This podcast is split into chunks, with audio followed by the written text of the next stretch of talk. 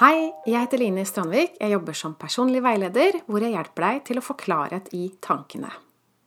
I dag skal jeg snakke om en ting som jeg tror de fleste kjenner seg igjen i, og det er grubling. Det er tankespinn, det at man ikke får fred for tankene. Og noen ganger kan det bli så ille at man ikke får sove om natta. Og så lurer man på hvor er det jeg skrur av den bryteren? Hvordan kan jeg stoppe tankene? Det er noe jeg selv kjenner meg igjen i. Jeg var en grubler før i tiden. Folk sa til meg at jeg var en grubler. Eh, og jeg fikk høre at åh, ikke tenk så mye, Line. Bare nyt livet. Men det klarte jeg ikke. Det var noe som gnuga, som ikke jeg kom til bunns i. Så jeg klarte ikke helt å bare legge, legge det fra meg. Det var et eller annet. Jeg har jobba mye med folk som vurderer å skille seg. Og de tenker selvfølgelig mye over det her i lang, lang, lang tid. Eller ikke nødvendigvis, men mange av dem tenker over det i flere år før de gjør noe. For de vet ikke hva de skal gjøre, og de klarer ikke å legge det vekk. Og de skulle ønske de kunne klare å legge det vekk. De skulle ønske de kunne bare leve i forholdet uten å tenke så mye. Så de ser på tankene som problemet. Og noen spør meg til og med har jeg tenkt meg til problemene. Har jeg problemer i ekteskapet mitt fordi jeg tenker for mye? Det jeg har lært, det er at grubling, det er intuisjonen vår som snakker til oss. Det er noe som presser seg frem, som vil noe. Og det går ikke an å stenge den nede. Men vi prøver å stenge den nede. Vi prøver å stenge den nede ved f.eks. å drikke alkohol. Da slapper vi av og kan gi slipp på tankene. Røyking, andre rusmidler, spise massevis, usunne ting. Trimme mye, litt overdreven trimming, jobbe veldig. Snakke med mennesker hele tiden, sosialisere. Det er veldig mange ting vi kan gjøre for å komme vekk fra tankene våre. Men det funker jo ikke. Så hvis du gjør det, så funker det midlertidig, men så kommer tankene tilbake igjen. Så er vi der igjen at det er noe som prøver å presse seg fram. Det er intuisjonen som snakker.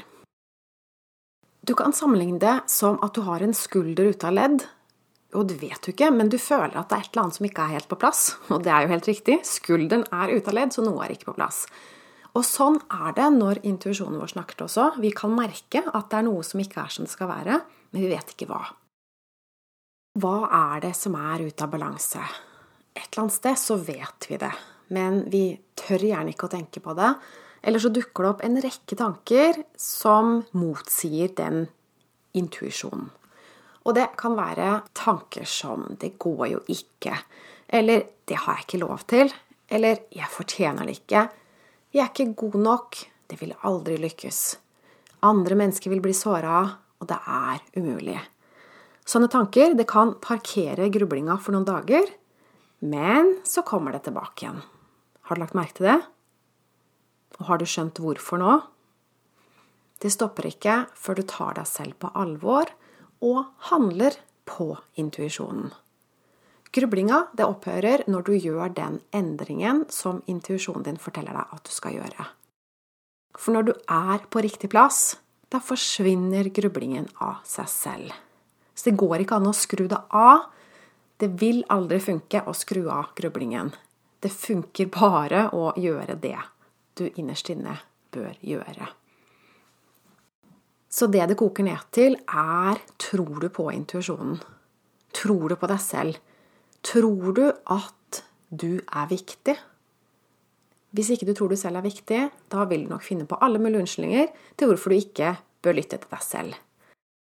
Men jeg vil oppmuntre deg til å lytte til deg selv. Så jeg har lyst til å gi ballen videre til deg. Hva er det du grubler over? Hvilken lyst prøver du å undertrykke? Hvilke indre stoppere har du? Ser du det klart?